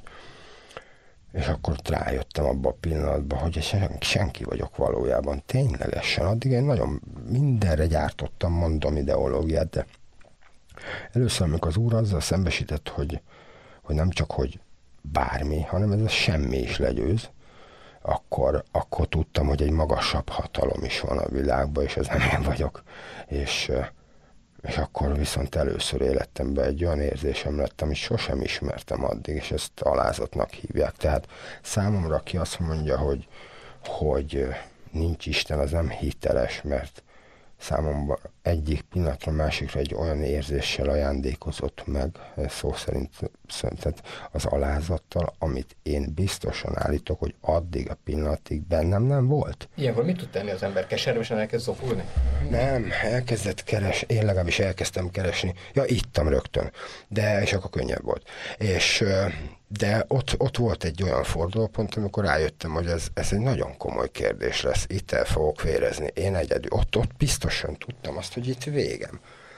És azért az egy elég nagy büszkeség, becsületbeli trauma. Mert leomlott az a kép, amit saját magadról alkottál, hogy legyőzhetetlen vagy. Igen. Rájöttem, hogy nem látok, hogy vak vagyok. Rájöttem, hogy hoppá, hát ez tök más minden, ami van. De ez csak addig tartott, hogy be nem rúgtam újra aznap, aztán aznap még egyszer, vagy akár még aznap harmadszor is. Tehát azért annyira nem foglalkoztam ezzel, de minden reggel, amikor fölkeltem, egyfajta motivációm volt arra, hogy meg akarom ismerni ezt az egészet, mert ha én nem ismerem, és ha eddig számomra nem volt, de létező dolog, és megismertem, akkor itt egyfajta összefüggést kell ebbe az egészbe keresem. Akkor még Isten fel sem merült bennem. És hát ez volt a többedik olyan, amikor számomra bizonság volt, hogy van egyfajta hatalom, ami fölöttünk van, és egyfajta jó és rossz harca dúl folyamatosan, és a jó felül fog, és felül is kerekedik, de aztán volt egy olyan nagyon mély pont, ahol, ahol mindenki gondoljon, amit akar, de képzeljen el egy, egy izmos férfi testet, ahol egy embrió egy matracon fekszik, száz csípés a testén, de tényleg száz meg száz. Véres feké, nem tud beszélni hetek óta, és reszket, izzad, vérzik a fogine, és egyszer csak azt mondja, hogy kész, ennél még a halál is jobb. És, és akkor, akkor megpróbálja, hogy, hogy hát, ha vagy, haló, akkor gyere haza Szabiról. És nem akarok káromolni semmi, de hát most miért színezném? Hát hisz a szívembe látom, két hazudoznom neki soha. És akkor egy pár, pár, nem tudom, perc után érzi az ember, hogy megint kezd rossz lenni. Tehát, ergo előtte jó volt, hoppá, működhet valami, amit én eddig is kérni és kapni? Nem, ám, ez nem lehet, ez lehetetlenség. És de még egyszer, és így a mai napig imádkozok naponta szüntelenül.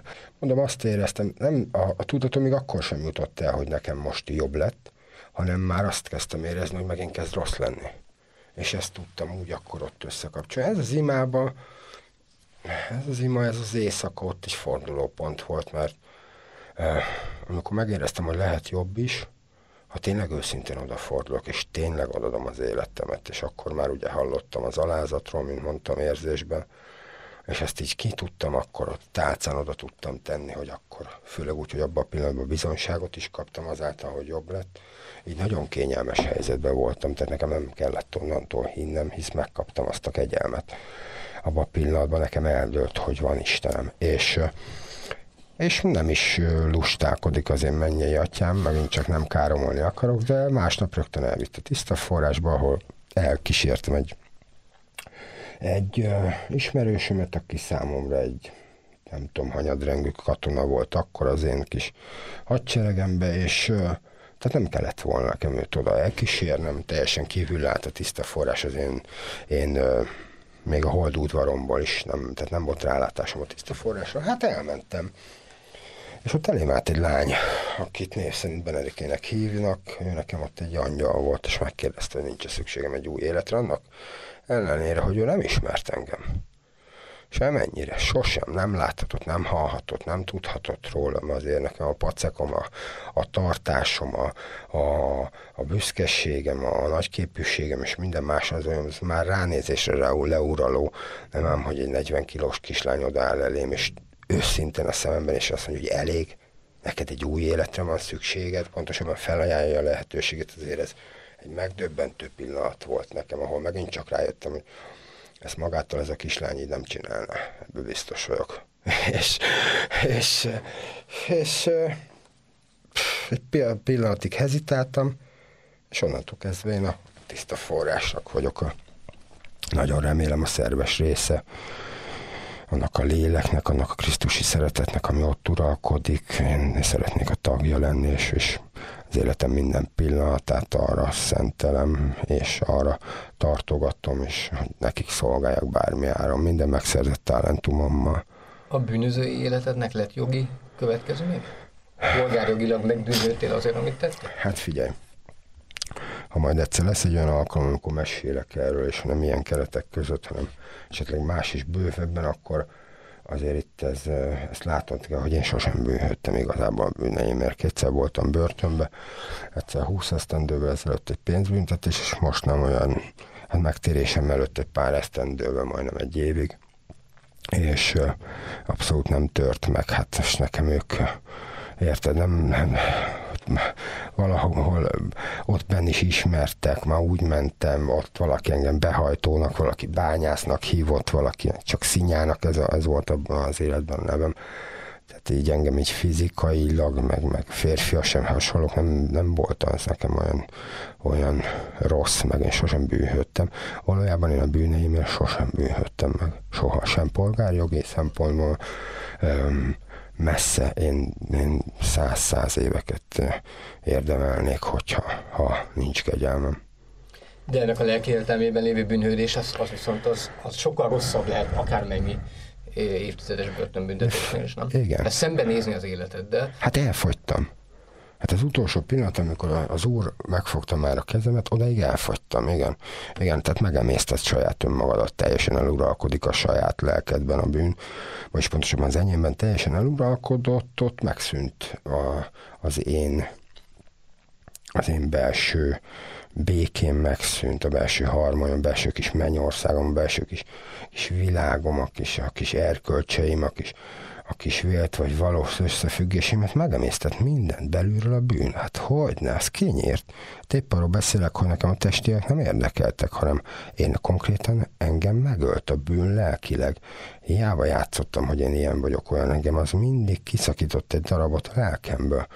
És hogy most van-e bűntudatom? Nincs meg kell mondjam, abszolút nincsen szégyellem, amit tettem, és nagyon remélem, hogy ez az egész kiképzés ez azért volt, hogy hamarabb felismerhessem a környezetemben lévő olyan embereket, mint én, és segítséget kínálhassak nekik egy aranyalmát ezüst tálcán, hogy, hogy már pedig itt van Jézus Krisztus, és ő az igaz testélet, és csak be kell fogadni, hinni, szeretni, és minden, minden átjár, és jobb lesz, és megbocsájtolódnak.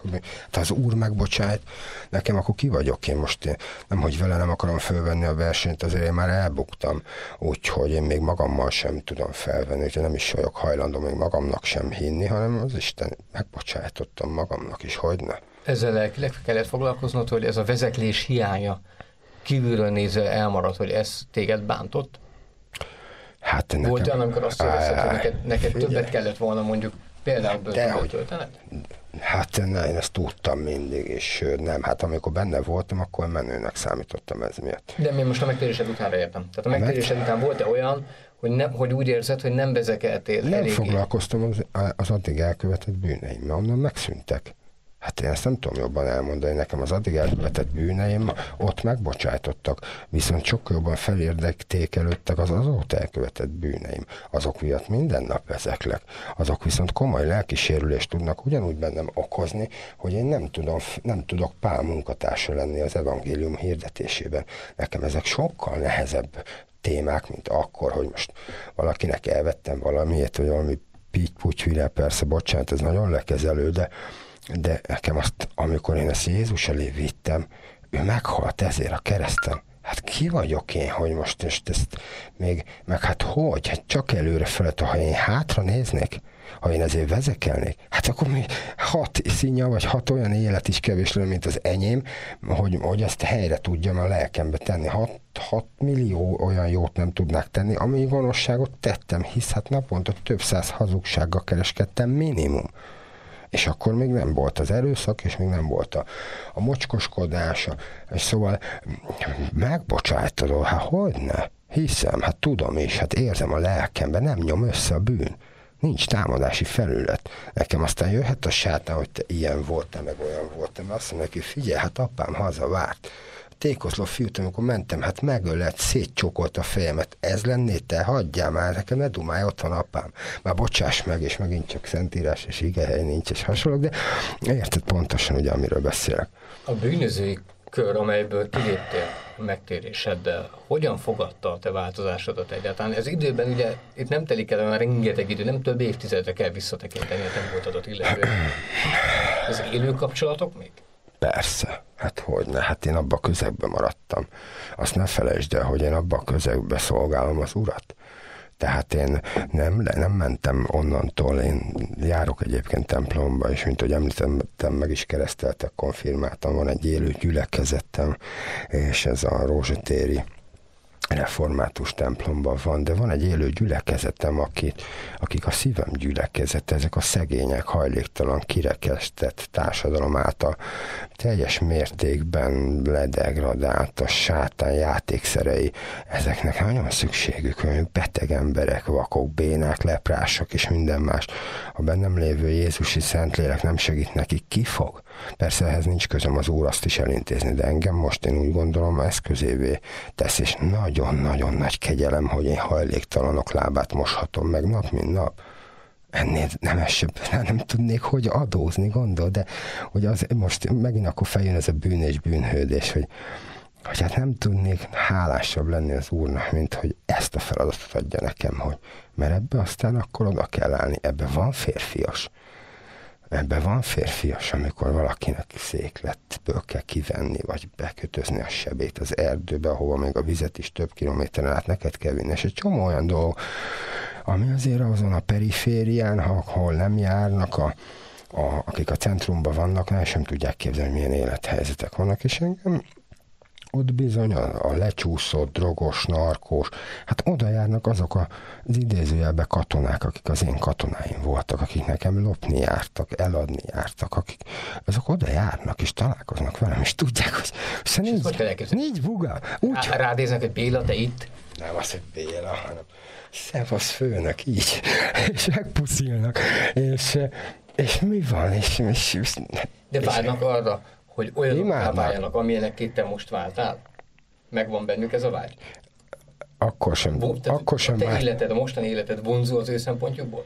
Nem tudom az, de akkor se vágyták, mert elég nagy felelősség, ha az ember neki kell harcolni egyfajta bűnszervezetbe, egyfajta, tehát nem, nem olcsó a húsos kondérhoz, nem engedik közel az embert, és hogyha valaki nem erre született, akkor nem tudja hogy helyet csinálni az ő embereinek, se annál a kondérnek. Tehát az emberei nagyon-nagyon szűk kivételtől eltekintve nem vágynak az ő pozíciójára. És én úgy gondolom, hogy most sem vágynak az én pozíciómra, hanem hanem drukkolnak, nagyon drukkolnak, hogy sikerül végre valakinek közülük. Valakinek, és, és ezt tudtak volna más embert képzelni, mint engem. Egyébként visszatekintve tényleg erre irányult minden felkészítése az úrnak, hogy ezeket a lelki próbákat most jól tudjam venni, mert meglehetősen nehéz egyébként a hívő közösségbe. Tehát Isten megbocsájtott, ami a minden de azért, amikor emberek között élek, és a világba kell érvényes, a világ nem bocsájtottam meg.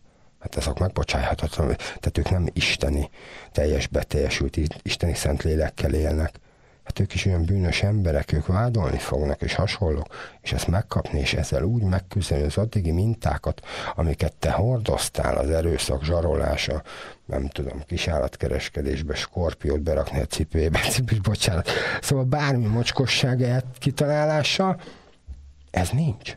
Gondolatban se vétkez.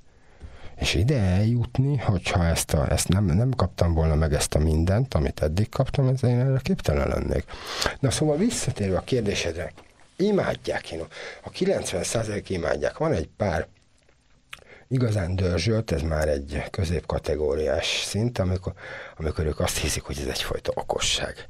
És, de azt, magad? Hát persze, hogy ez egyfajta érdek, hogy most én majd meg fogom húzni a református egyházat nagy milliárdokkal, de hát annyira piti gondolkodás, hogy, hogy hát most gondolom, hogy megkaptam a kegyelmemet, az őszinteséget és minden mást, és elismerem Istent, akkor tehát még nekik is leszoktam vezetni, hogy ez, ez végképp beteg, ezt nem lehetne megcsinálni semmilyen módon, mert nem csak az, hogy Istennel kerül szembe, és az ördög mellett sem sikerült, mondjuk, hogyha most magadra húzod Isten haragját sem. Na mindegy, de vannak olyanok, akik nem, nem nagyon hiszik, de a 90%-a mondtam, hogy nagyon büszke rám, és látják, hogy sikerül, látják azt, hogy látják a napi problémáimat, mert ők ugye sokat járnak oda be, több száz embert ellátunk naponta, és, és látják a napi vívódásaimat, a munkabírásomat és hasonlók, és amikor látják, hogy, hogy nehéz, pont megpihenne a lelkem, és megkérdezik, hogy akkor most hogy tovább, akkor azt mondom, hogy ima. Egyszerűen csak ima. Hát ez hozott ki a bajból. És működik az ima. Működik az, hogy lefekszek, csendességembe vonulok, előveszem a Bibliát, egyébként ezt tudnotok kell, hogy Biblia fán lettem. Ez azt jelenti, hogy reggel is az útmutató szerint, illetve vannak külön énekeskönyvből imádságaim, és, és, és minden olyan, hát magam kis hagyományát megalkottam, itt a reggeli uh, Istenlábbal borulásom, az egy, az egy nagyon meghatározó napomba, napomba. Ezer ima, ezer ima, millió Jézus, hogy tennék kérdés, és hogy megfelelek az Uramnak, millió bizonság az Úrnak felém, hogy ő van, és tényleg ne veszítsem hitem, egy millió tanítás, amike, amikről én nem hallottam addig, vagy ha hallottam, sem hittem, hogy ezek komoly dolgok, hanem azt hittem emberek kreálták, de nem. Ezek tényleg valós, olyan szép érzések, udvariasság, kegyesség, megbocsájtás, szeretet, és sorolhatnám. Arról beszélgettünk korábban, hogy ugye doppingot adott neked az, hogy más embereken segítesz, és ugyanazt a fajta doppingot élted meg akkor is, amikor más emberekben kárt tettél. A mostani életedben ez a dopping, ez micsoda? Ez az Úr Jézus Krisztus kimerem mondani, pedig én, ha ezt abban az időben hallottam volna valakitől, hát adtam volna pofonat, takarodják ki, és mennyi intézzel valakitől legyen pénzed.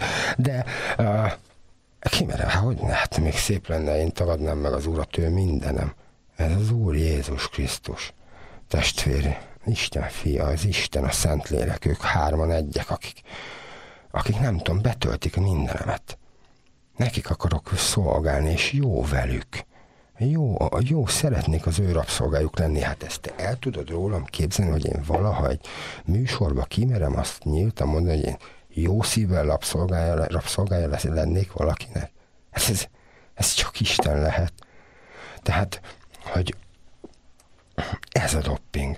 Egyfajta olyan euforikus állapotba tudok kerülni, amikor ugye a sport mindig végigkísérte az életemet, annak ellenére, hogy mindig egy kicsit azért volt egy kis plusz súly is, de hát így most, hogy elképzeljék 110 kiló vagyok, ugye nagyjából tehát elég jó megtermett. De biciklizek is, futok is, kutyasétáltatás, vannak galambok, macskáink, egy csomó olyan dolgom van, ami így ezt hát ember, hihetetlen. Na de hogy hogy honnan meséljek én erről, figyelj, az, amikor, betél, be, amikor megkeresztelt, én azt hittem, hogy ez egy kam, Érted, hogy most ez a szent jegyek, meg az úrvacsora, eleve paráztam az úrvacsorát, hogy én méltatlan vagyok rá. Itt kezdődött a sztori. Aztán jött az, hogy megkeresztelkedés. Hát jó, a nagy tisztelet úr, izé, ő akarja, meg, meg akkor meg nem értettem a jelentőségét arra, és egyszer csak amikor megkeresztelnek, hát ez okogok, és egy olyan bum van bennem, hogy napokon keresztül, órákon keresztül az úrral tölthetek időt a lelkembe. Hát Hát a legnagyobb bizonságokat érem át, és mindent ő ad. A kegyelmet, amit kaptam, azt sosem fogom tudni meghálni. Egyben igyekezni fog, hogy az életembe bárki, aki az utamba kerül, annak segíteni tudjak. Nem tudom, hogy, de majd az Úr az irányt mutat. Úgyhogy ha bárki egyébként innen ez úton is szeretne majd velem esetleg beszélni, vagy segítséget kérni, akkor nyugodtan adjátok meg a telefonszámomat bárkinek, bármikor, bárhogy hívhat arról beszéltünk, hogy a Tiszta Forrás Alapítvány volt az, ami megváltoztatta az életedet, és hogy most is ott dolgozol. Ugye ez a református egyháznak a hajléktalan missziója. Hogyan néznek ki a te hétköznapjaid? Mi a te munkád most? Kicsit egy picit távolabbról kezdem. Ott minden nap van áhítat reggel 7 óra 15-kor, teljesen nyitott ez az ülői út 373-375-ben van. Bárki besétált az utcára, szeretettel fogadjuk, várjuk. Jöjjön. Ez egy reggeli gondolatébresztő, túlnyomó, túlnyomó többségben ez új szövetségi Jézus hogy tette volna vagy Jézus mit mond című történetek, amik nagyon tanulságos és erkölcsileg csordultig megtöltött gondolatok, amik azért jól elindítják az ember napját, ez biztos. Na, tehát én ebben élek.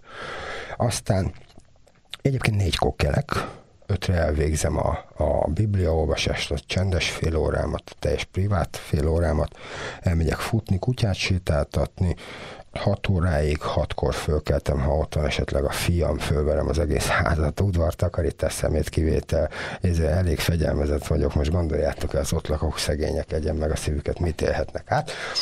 Aztán minden olyan apróságát az alapítványnak, amit még a reggeli órákban el kell intézni, a szemét, a szemetet szelektíven összeszedem, virágot szedek a vázába, lekapcsolt, kiéget, kicserélem, lehúzom, fölveszem, és hasonlók, ezt minden is, ezt elvégzem 7 óráig, akkor ugye oda járulok az úrhoz 4-8-kor, és aztán utána elkezdődik a kannibál élet. A világba, amikor hajtsad az adományt, menjél, sosem elég semmi, tankolj most le, törzs föl, ad ki, Béla jöjjön, mert már késtrántottaktól kezdve minden van, amit csak el tudtak képzelni, de és akkor még jönnek az önkéntes munkáim, a külön lelki gondozásom, a, az ügyfeleimnek az összes papír elintézése, romok felkutatása, feltört házakba behatolás, megkeresni az ott lévő drogosokat, akiket félholtan találok meg kezdve. A legváltozatosabb, amit el tudtok, illetve hát a konkrét lábmosás, ez az éppen egy aktuális bet betegem, betegem, bocsáss, egy ügyfelem, mert ugye a szociális szférában ügyfeleknek vagy klienseknek hívják, az egészségügyben beteg, és most éppen az egyiknek a lábát, a kezét, mellett a kisfiam kezét, szóval igen, de elkapok tőlük bogarakat, épp most a poloskától szabadítottam meg az ágyamat, meg a környezetemet, de ugyanúgy elkapok tőlük ott van, bőrbetegség, minden mást, és sosem haragszok rájuk, és hihetetlen töltöttség. Tehát amikor egy végtelenségig nyomorúságban lévő ember szívébe találkozol Jézussal, hihetetlen csoda. Tehát én látom a Jézusi tanítást az életemben, a béna jár, a vak lát, a vadállat az lecsendesedik, ördögök űződnek ki, ezek mind a szemem előtt zajlódnak meg, pusztán az ige által. Komoly. Én ezt látom. És hát ebből nyerek mindent. Én nem, nekem, én nem, nem megint csak egy önző gondolkodás lehet benne, mert én ettől az egésztől csak kapok. És az, hogy én az életemnek a világi részét oda ajándékozom, megjegyzem nagyon szívesen, sosem kérek érte.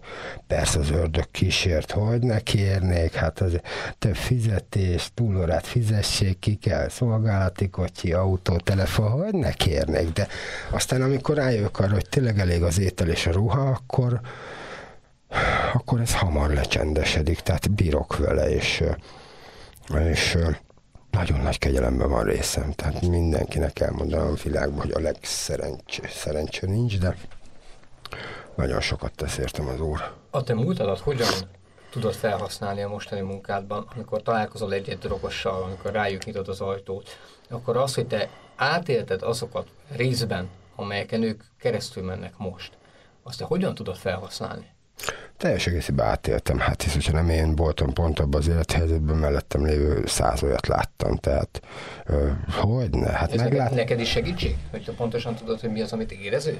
Hát vicces, eleve a fizikai adottságaimat, az állatmúltomat, nem kell kétségbe vanni, hogy ez milyen hasznos lehet egy, egy, egy erdőben, amikor ketten eléd állnak, hogy mit akarsz itt című történetnél, azért ott hamar nyilvánvalóvá válik, hogy te nagy előnybe vagy azáltal, hogy egész életedbe küzdöttél, és megjegyzem egyébként, amióta megtértem, sosem ütottem meg senkit, de már csak a megjelenés, a habitus is sokat számít. Aztán én pontosan tudom, hogy amikor ő tőlem segítséget kér, azt elsősorban arra kéri, hogy drogja legyen, meg piája. Tehát ő nem azt kéri tőlem, hogy mutassam be Jézus neki, ezzel szó sincsen.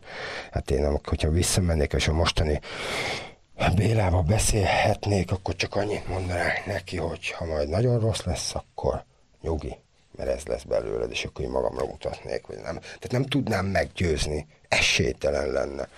És mi cél? Á, hogy?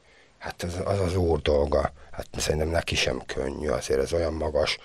Tehát amikor a lelkünkért a gonosz és a jó Istenünk ö, ö, harca, csúnyán mondva tánca, és nem is tudom, nem akarok belegondolni, hogy mi zajlik, de, de szóval ez, ez, ez nem az én szintem. Itt én ebben nem tudok sem. Tehát amit az Úr tőlem, én úgy gondolom, hogy elvár az, hogy tartsam be az ő parancsolatait. A többi ő engem visz. De nagyon nagy előny, persze, mondom, fizikailag, mentálisan, teherbíró képesség, az, hogy én az összes trükköt ismerem, az összes, nem, de hogy is az összes, az nagy butaság, az összes lopásfajtától kezelt. Tehát van egyfajta stílus, egy lopási stílus, amit most ez így nagyon nehéz, de az én, tehát kriminalisztikában az én nevemhez fűződik. Ez egyfajta lopás stílus a boltba. Igen, ez akkor jelent meg, amikor én kitaláltam, és nem akartam ezt így most felhozni, de most gondold el, amikor pont ezt valaki, ezt a stílust, ez egyfajta technika egyébként, és sokáig működött is, aztán persze ezzel ellen is elkezdtek védekezni. Ez bolti lopásokra. Elmeséljem? Látom, hogy nagyon érdekel. De nem promózzuk a gonoszt, úgyhogy nem mesélem el. Na de figyelj, a lényeg, hogy amikor tehát ennyire benne vagy, akkor pontosan tudod te azt, hogy az a szajri, ami mellette van, az honnan van lopva, és hogy kinek akarja eladni. És mindent tudsz, és hogyha ott tudsz egy olyat, rá kell hagyatkozni a szent lélekre, én csak ezt tudom mondani. Ha cigit kér, adj neki cigit, ha pénzt adj neki azt, ha adj neki szeretetet. Nem tudom, hogy hogy, de valahogy szerest. Például van most egy fiú, aki akit bevittem oda hozzánk, és három nap után visszaesett, és még arra sem lenne méltó, hogy most őróla beszéljek, de a szívem szakad meg ért, és reggel, amikor megfettem volna, sem tudtam igazából megfedni azért, hogy becsapott, hazudott, meglopta a szeretetünket, kihasznál minket. És még van kép olyan emberek közé bejönnek, akik az életük jobb átételén dolgoznak, és hogy ő bemocskolja azzal a bűnnel, amiben most ő van, és részegen beállít oda, és intézkedik, sőt, még ott uralkodni is próbál, és nekem, tehát az én hitemet is ezáltal próbára teszi természetesen, ez pont nem az az akadály, ahol most már remélem elvérzem. Remélem több tanítást sajátítottam el az úrtól, de nyilván odállok el, és, és nála is reggel, amikor mentem felé, úgy, úgy bennem volt az a régi én, és bennem volt a Jézusi gondolkodás, és, és amikor odálltam vele szembe, és én kértem tőle bocsánatot azért, hogy nem sikerült, akkor megértette egy pillanatra, hogy, hogy én is csak tanulom ezt az egészet. Hogy én bocsánatot kértem tőle azért, hogy nem sikerült jobban elmondani, hogy van Úr Jézus Krisztus, aki segíteni fog. És ez az én hibám volt. Hogyan látod a jövődet? Milyen céljaid vannak? Evangélium. Ebben a ezekben szeretném maradni? Nem tudom. Hát azt szeretném, hogyha rájöhetnék arra, amit Isten velem akar elvégeztetni. Tehát ez, ez a terv. De most azt csinálod, úgy érzed? Igen, áldás van rajta. Hogy alakult a fiatal a kapcsolatod a megtérésed óta? Minden sír. Már előtte sem mondhatom, persze apaként leszerepeltem az utóbbi pokoljárás időszakában. És ő mit tud a múltadról? Hát mindent.